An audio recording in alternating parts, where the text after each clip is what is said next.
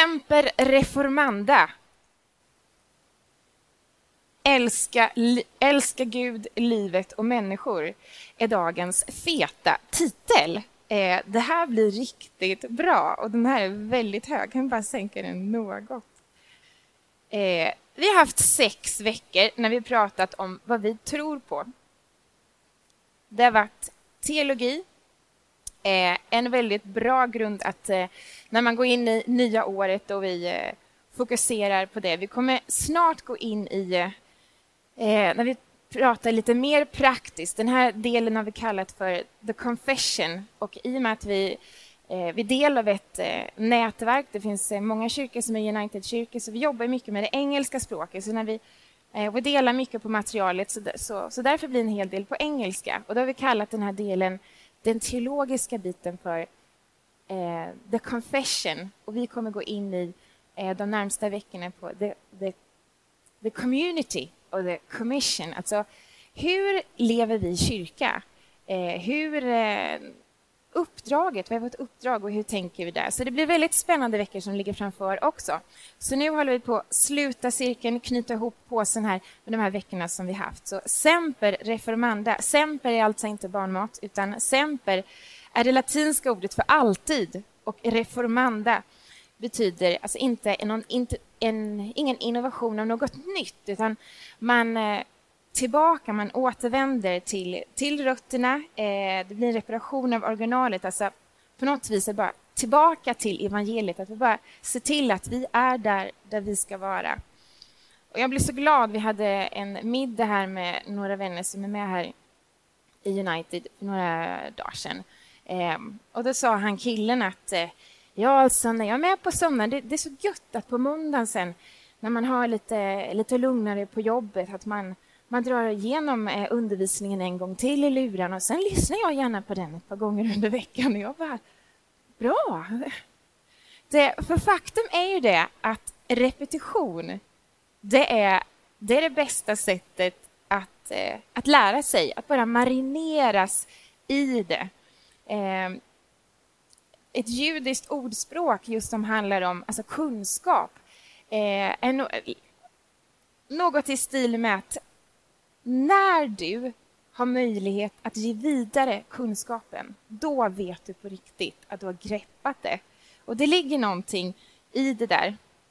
Så eh, dagens text, text som jag har valt för Semper Reformanda, älska Gud, älska livet och älska människor, det är Matteus 22 och från verserna 34 fram till 40. Där. Fariseerna hörde att Jesus hade gjort saduceerna svarslösa och samlades kring honom. En av dem, en laglärd, ville sätta honom på prov och frågade Mästare, vilket är det största budet i lagen? Jesus svarade mm, du, du ska älska Herren din Gud av hela ditt hjärta, av hela din själ och av hela ditt förstånd. Det är det största och främsta budet. Och sen kommer ett som liknar det. Du ska älska din nästa som dig själv. Och på de här två buden hänger hela lagen och profeterna.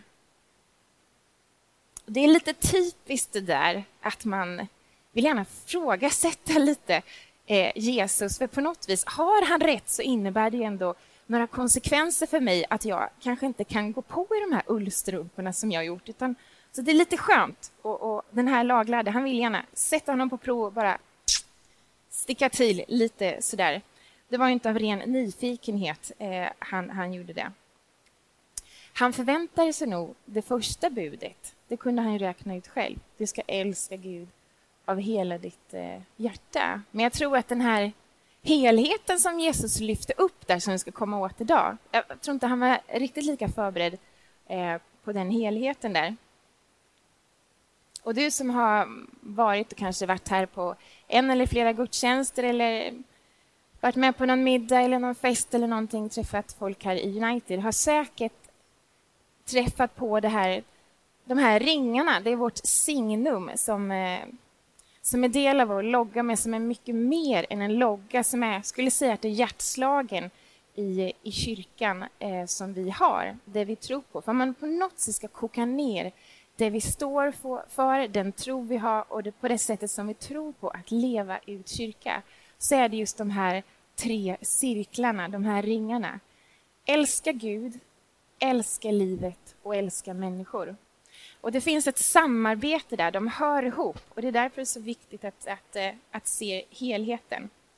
Så om vi kikar på den här lilla texten då, Matteus 22. Mästare, vilket är det största budet i lagen? Det är lite så här million dollar question. Eh, och på den här tiden, när han säger lagen, så menar ju Tora de fem Moseböckerna. Eh, eftersom Nya testamentet inte hade skrivits än där. Och då svarar Jesus Älska Herren Gud av hela ditt hjärta, av hela din själ, av hela ditt förstånd. Jag tycker han, han, gör, det, han gör det bra här. Eh, som alltid när Jesus är i framfarten, för han älskar ganska luddigt ord, inte minst idag skulle jag säga. Men här, han försöker liksom utkristallisera det lite mer, bara hjälpa mottagaren vad det är han vill säga.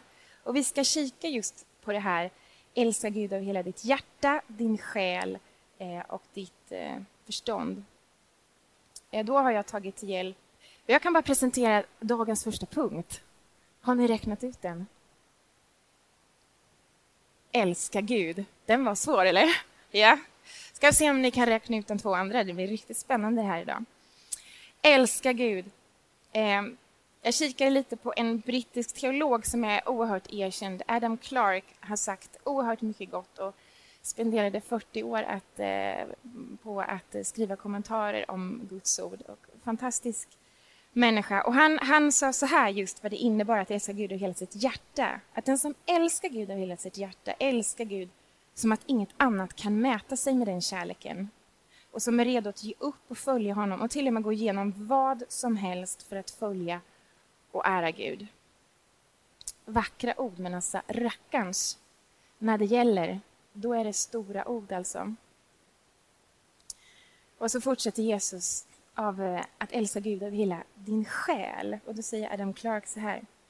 Ja, då är du beredd att ge upp ditt liv för hans skull, att gå igenom alla sorts lidanden, till och med när det gäller när det handlar om att gå miste om all sorts komfort. Hellre det än att vanära Gud.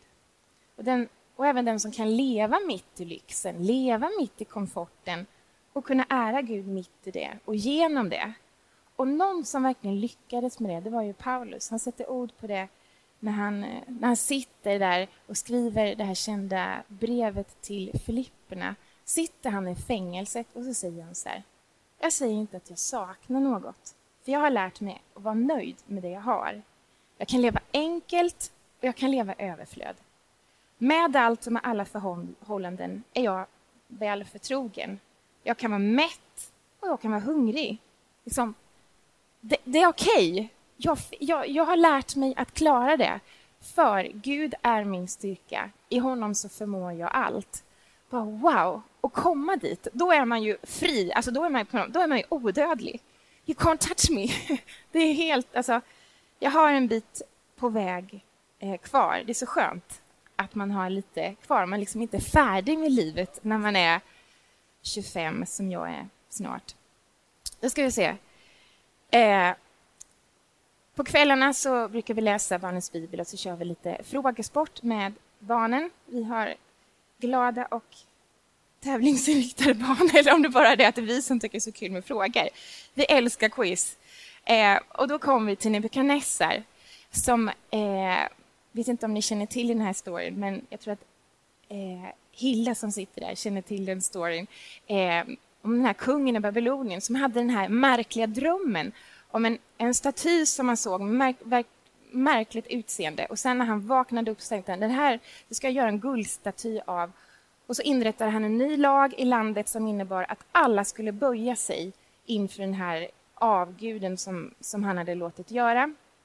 Eh, och så skulle det gå på en given signal och så vidare med musik och så skulle hela folket, det här människohavet, skulle bara lägga sig ner och ära den här statyn helt enkelt.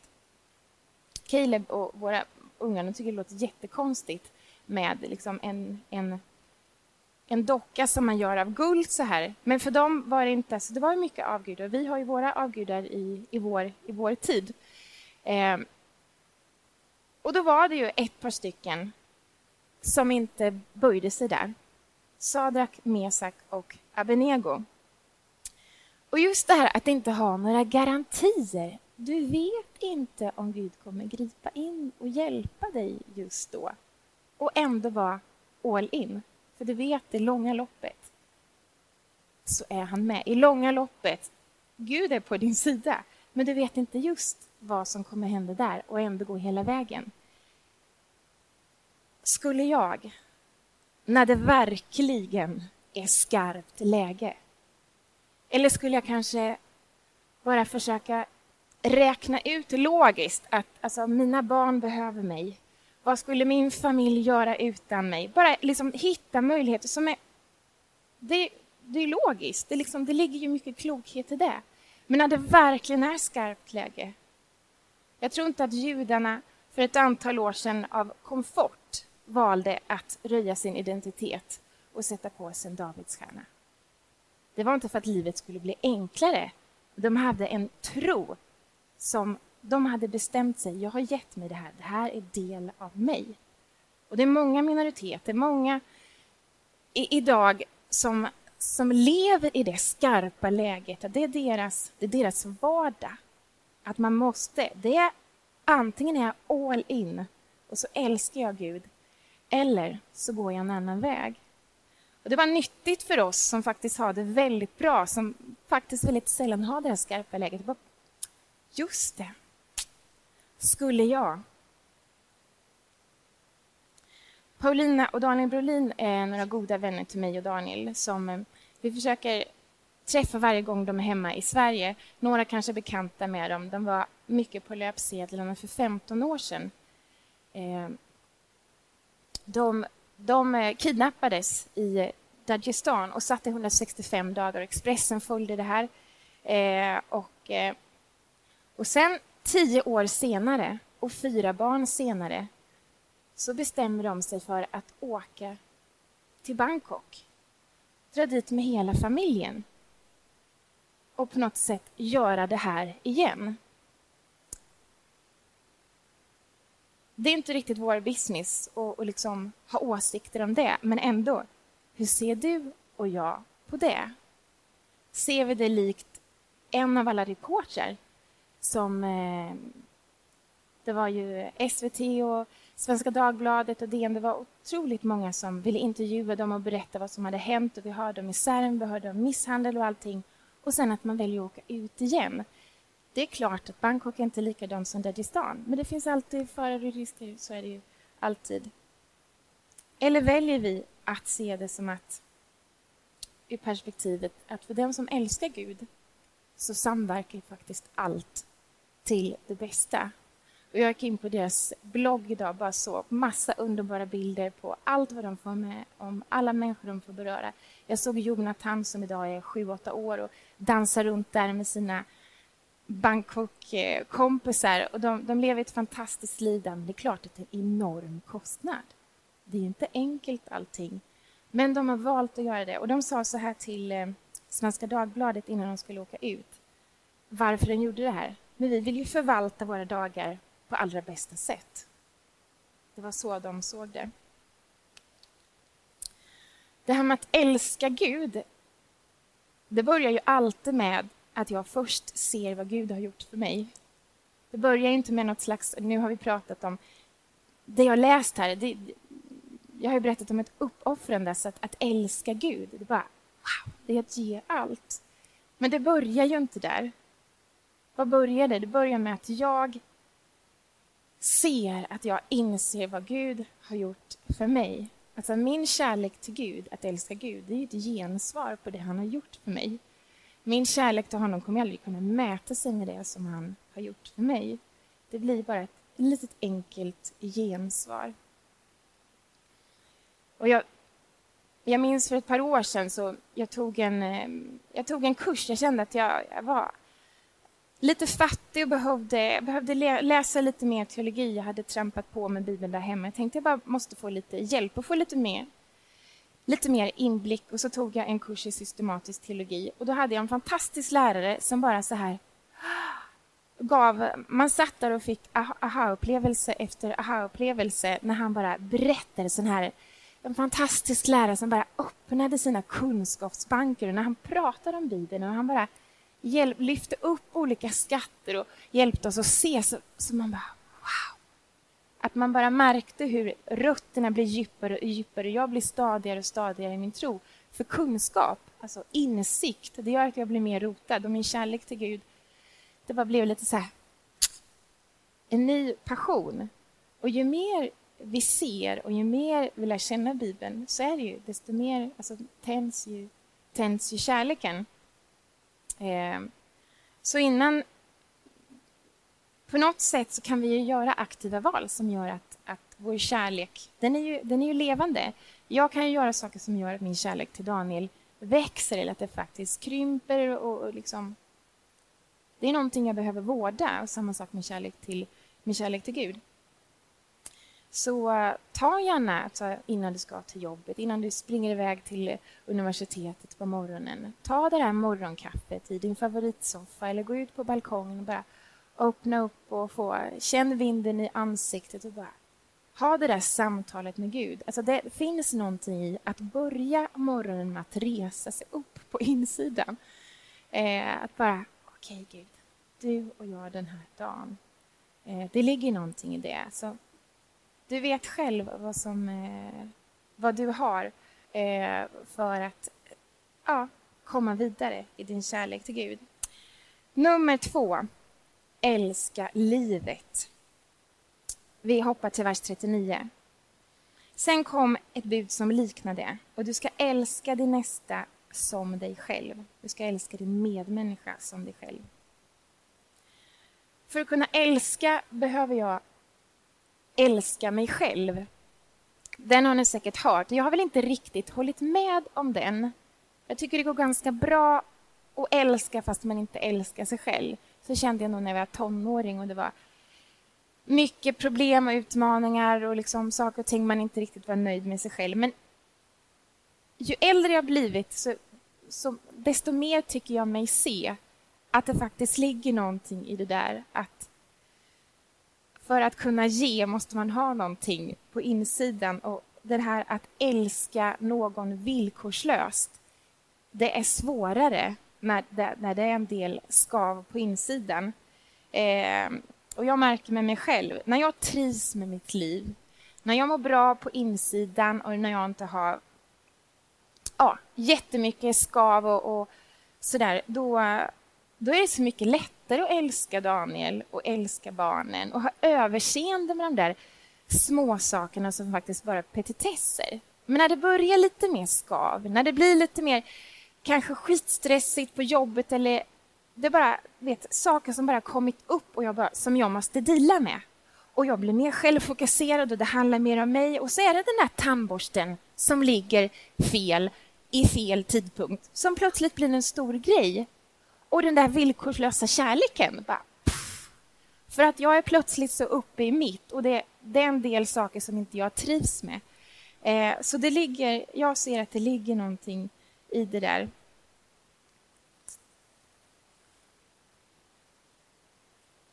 Men självklart vill Gud att vi ska ha det bra. Och Daniel och jag vi älskar att resa och det, det är få saker som ger mig sån njutning, alltså som att upptäcka nya städer, upptäcka nya kulturer, bara komma till en ny plats, bara se det magiska i, i naturen och bara... Ah, det, jag vet inte hur många tusen bilder som vi har på eh, en hårddisk där hemma. Sen, sen vet jag inte riktigt vad man gör med alla de där bilderna, men liksom ett litet så minne av alla ställen man har sett. Och man bara, det är som smågodis när man bara sitter och får titta på de där bilderna och bara wow! vilken värld! Wow, vilken skapelse!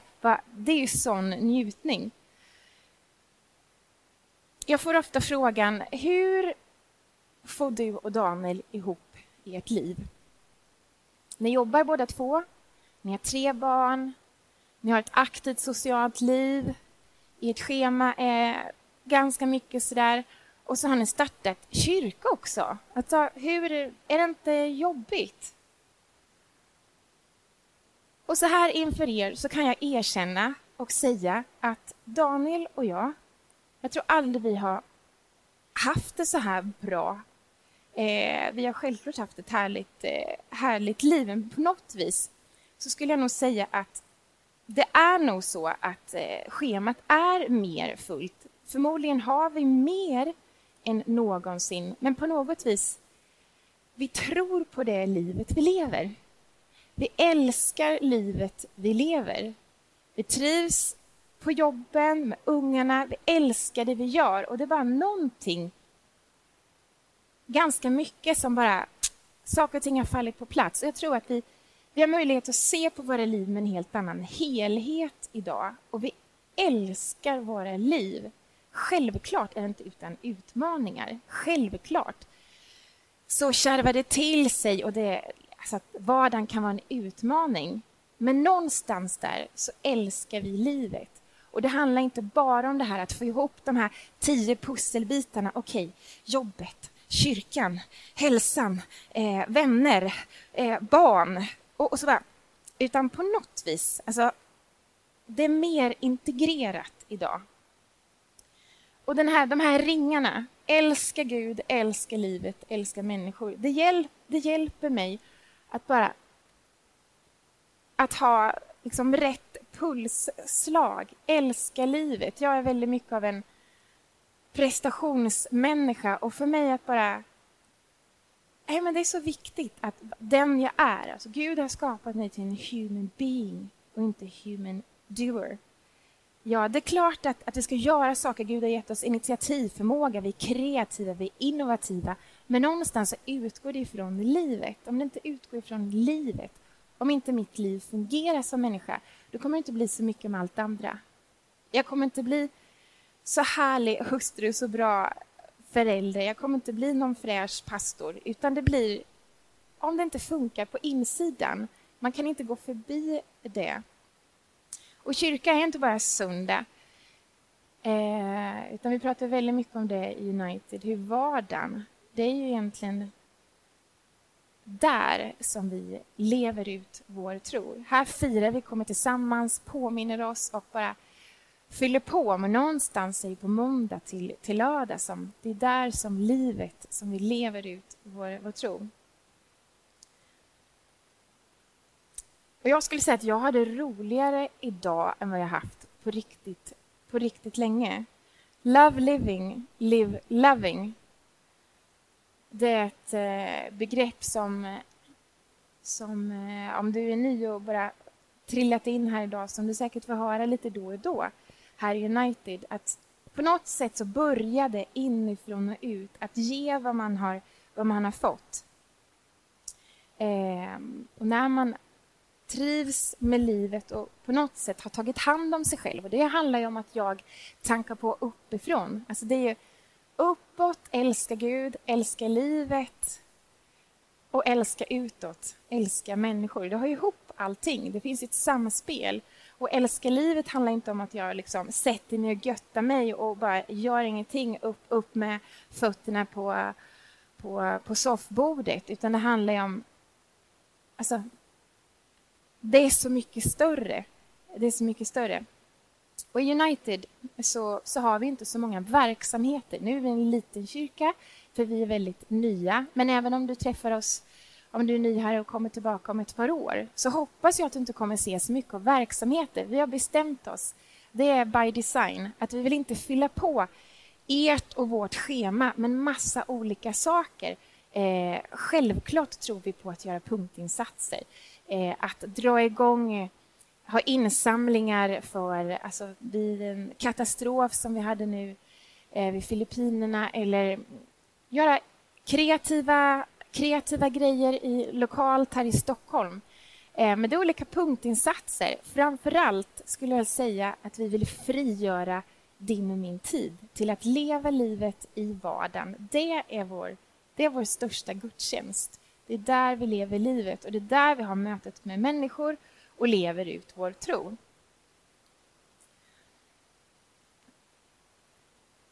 Jag kan bara nämna två, två ytterligheter i det här med att eh, leva livet. eh, lite kort, gnosticismen. Eh,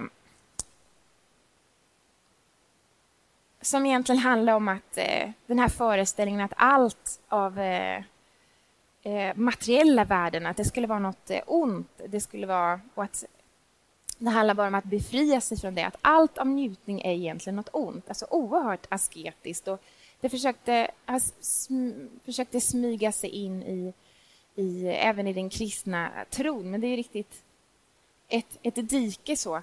Eh, och Gud har gett oss så enormt mycket som han vill att vi ska kunna njuta av. Det är inte det vi lever för.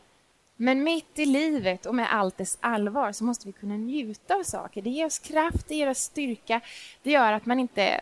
Ja, man håller längre helt enkelt. Men det är inte det vi lever för. Det är inte det som livet går ut på. Eh, ett annat dike är väl, alltså för oss, eller för mig som troende, det är hedonism som är väldigt... Eh, alltså, om man läser... Eh, om man läser någon artikel med alltså, vad längtar du efter? Vad, vad, alltså, vad är livets mening? Så är det väldigt många som säger lycka idag. Jag läste någon bara för lite sedan, det var någon som sa att livets mening det är att äta god mat. Så njutning.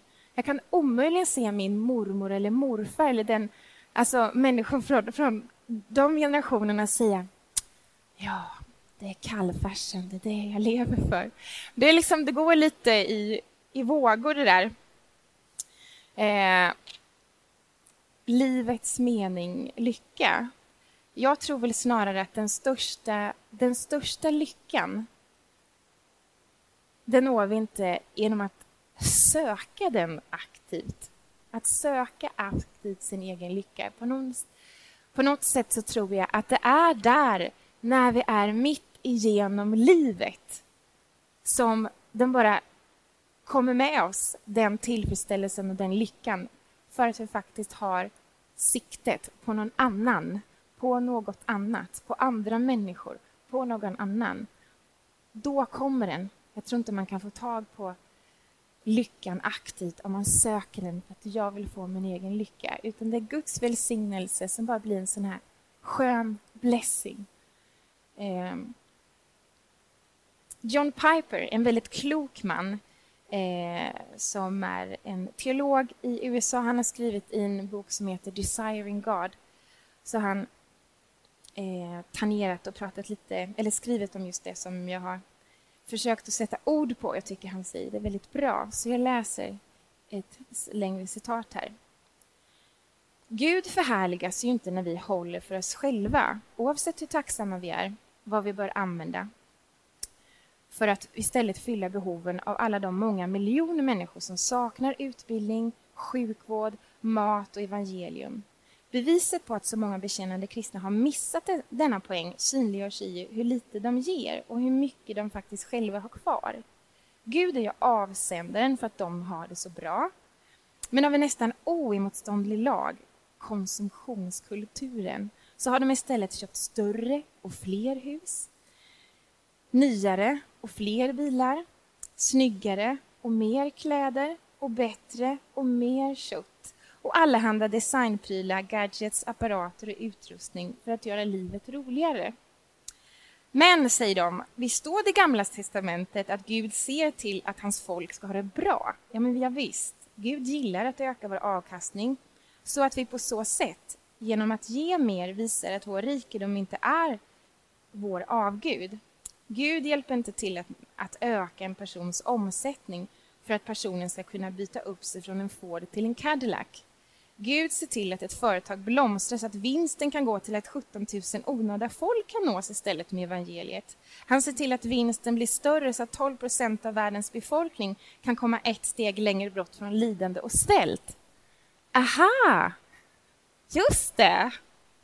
Det är bara Just det, det är ju det är givaren som är det viktiga och inte gåvan. Och när vi har det där gott och njuter av livet får vi komma ihåg också, det finns en an anledning. Eh, jag är tacksam och eh, jag använder det som Paulus, mitt i det, mitt i allt gott jag har, mitt i allt och genom det så, så använder jag det för att göra den här världen till en bättre värld. Sista punkten, älska människor. Det vore på något sätt väldigt tragiskt om vi inte hade den här ringen, utan vi hade älska Gud och älska livet. Men älska människor, det är alltså huvud, hjärta och händer. Det går liksom det går igenom. Det är älska människor, det är så otroligt central del av evangeliet. Skulle man kapa bort det så kapar man bort så mycket av hjärtslagen i evangeliet, för det handlar om andra människor. Det handlar inte bara om en egen lycka, utan det handlar om andra människor. Man kan inte separera, man kan inte separera det från evangeliet. Matteus 22.39. Älska din medmänniska lika mycket som du älskar dig själv. Och det är väl så av naturen, så tänker vi instinktivt på oss själva. Det gör inte du, men jag gör ju det. Och på något vis så inser jag att jag behöver faktiskt påverkas och influeras dag efter dag för att bli mer lik Gud i detta. Det bara finns någonting som bara sitter i ryggraden. Som bara, jag behöver den där extra påminnelsen. Just det, det handlar inte bara om mig.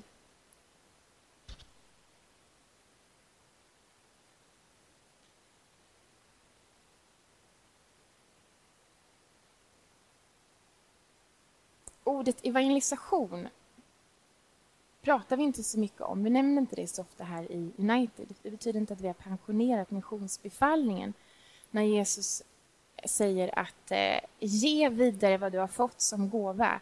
Gå ut och gör alla folk till lärjungar. Ge det vidare. Bara sitt inte och gosa i dig själv och allt det goda som du har fått tag på, utan ge det vidare. Det har inte vi pensionerat, det lever vi för. Vi skulle vara fruktansvärt egoistiska om vi inte, om vi inte ville leva utan bara ville ha det kvar och bara sitta och så bara wow, vilka skatter! Gud, vad fantastiskt! Det handlar inte om prestationer utan bara behandla vad du har gjort mig och bara hitta nyckel efter nyckel och bara wow! Och sen inte ge det vidare. Ulf Lundell, han, han, han har sagt så här. Om alla kristna verkligen trodde på det kärleks budskap som de har, då skulle de ju stå ute på torget jämt. Annars vore de ju de mest egoistiska människor som finns. Och det ligger ju någonting i det faktiskt. Sen just torget. Men om några veckor så kommer vi prata mer om det, eh, om vårt community och eh, vårt uppdrag. Så var välkomna och missa inte de veckorna. Men vi tror på relationer och vi tror på att inte objektivisera människor och vi tror på att vara real, att vara på riktigt. Vi har ett motto som säger What you see is what you get. Och det är inte så att vi lever upp till det. Det är inte så att jag lever upp till det. Men det är mitt motto. Jag försöker leva upp till det. Att what you see is what you get. Att ju närmare du kommer mig så um, Ja, att jag förhoppningsvis är densamma. Sen ibland, alltså det är klart man utsätter sig här när man, är, när man, är, när man talar, när man predikar. Ibland säger jag ju saker, jag blottar på saker och jag hoppas du kan ta det.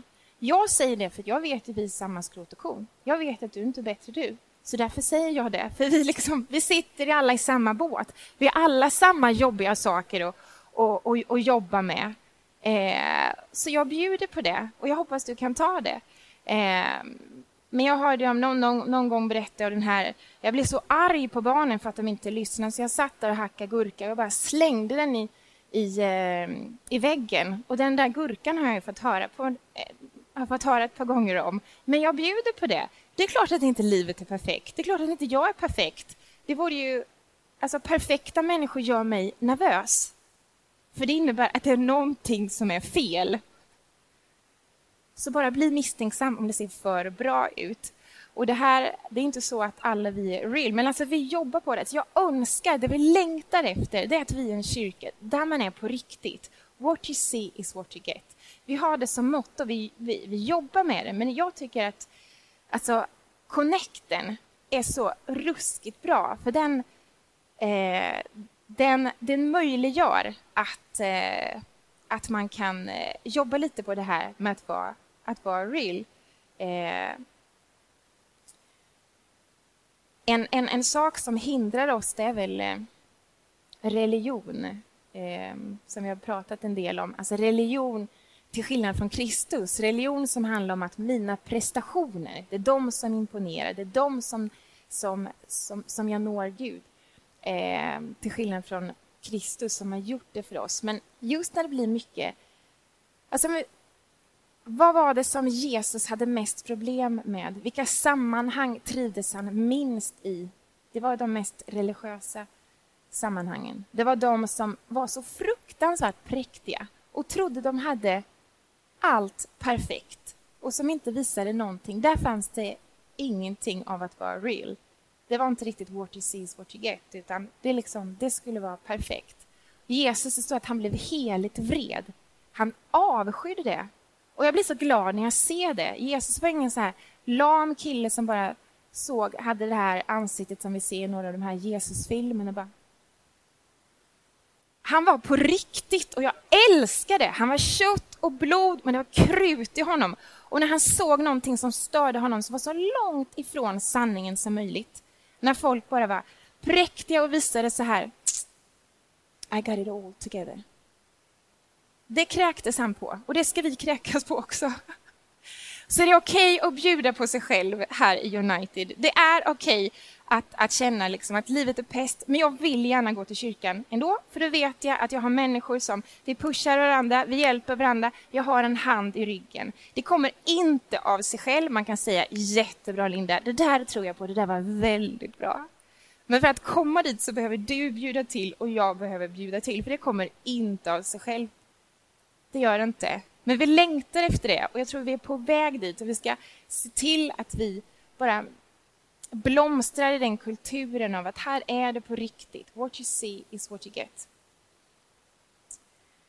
Det skulle vara så sorgligt om, om man får en sån här bomb med några, alltså, några vänner som man kanske har umgåtts jättemycket med flera år och så sen sitter man där över en, en fik och bara, vi måste bara berätta något. Att vi har beslutat oss för att eh, för att skilja oss eh, och, ja, och så vidare. Och så vidare. Och sånt kan ju hända. Men att inte, inte sett någonting, inte vetat någonting och så trodde man att man var så nära. Låt oss se till att vi inte går igenom helvetets kval på egen hand. Ensam är inte stark. Det tror inte vi på kristen tro, kristendom, det handlar inte om att man ska göra det på egen hand. Det är tillsammans. United, we are united. Det är det det handlar om, det är hjärtslaget i din kristna ton, tron. Så låt oss vara real, låt oss kämpa för att det får vara what you see is what you get. Nu blev det lite engelska här, men det, det förstår ju ni. Nej, men det är ju så. Eh, det, här, det här är viktigt, det är, inga, det är inga svårigheter på det sättet, men det är svårt att leva ut det. Det är, det är svårt att få till det här. Eh, när, du, när du har varit med om något fantastiskt, då firar vi med dig. Och när det är jobbigt, då håller vi handen runt dig. Och livet blir så mycket roligare när man älskar människor, när man vill involvera andra i sitt liv. När vi har fredagsmys som familj, vi ska ändå äta de där tacosen eller de här fajitas, då gör vi det helst med några andra barnfamiljer, några, så kan man liksom kolla på film tillsammans. När du tränar så gör det tillsammans med någon annan. När du käkar den här brunchen, du och din partner, så behöver ni inte göra den här brunchen själva fyra gånger varje, alltså fyra gånger eh, själva på raken, utan då kanske man kan bjuda två gånger och bara se att wow, vad fantastiskt trevlig den grannen var. Sen har jag märkt att ibland behöver man göra det sju gånger innan någon annan nappar på, men liksom det är okej. Okay. Det är okej. Okay. Eh, vi lever i ett sånt grannskap där vi bor, där jag vill... Jag vill ju ha det så att jag vill att man ska kunna springa in och bara säga du Linda, nu står jag där, gästerna kommer om 40 minuter, jag har ingen vitlök hemma och jag saknar olivolja. Kan jag bara få, får jag låna det? Självklart! Men vet du, jag springer hos grannarna, men liksom det tar lite tid innan grannarna springer hos mig. men jag bara, får jag låna det här? Och snälla kom, kom kom till mig, hjälp! Liksom att man, vi gör det tillsammans, det här är community. Vi älskar människor, vi bjuder på oss själva eh, och så vidare. Men eh, ja, älska Gud, älska livet, älska människor. Tre enkla punkter. Men wow, vilka utmaningar det finns i det. Jag hoppas du har blivit utmanad. Jag vet inte vilken del av de här ringarna som, som klack till i dig. Att bara, wow, det där vill jag ta med mig idag lite, lite mer. Eh, så enkelt, men wow, svårt och utmanande att leva ute i vardagen. Men det är hjärtslagen i United. Tack så mycket för att ni har lyssnat.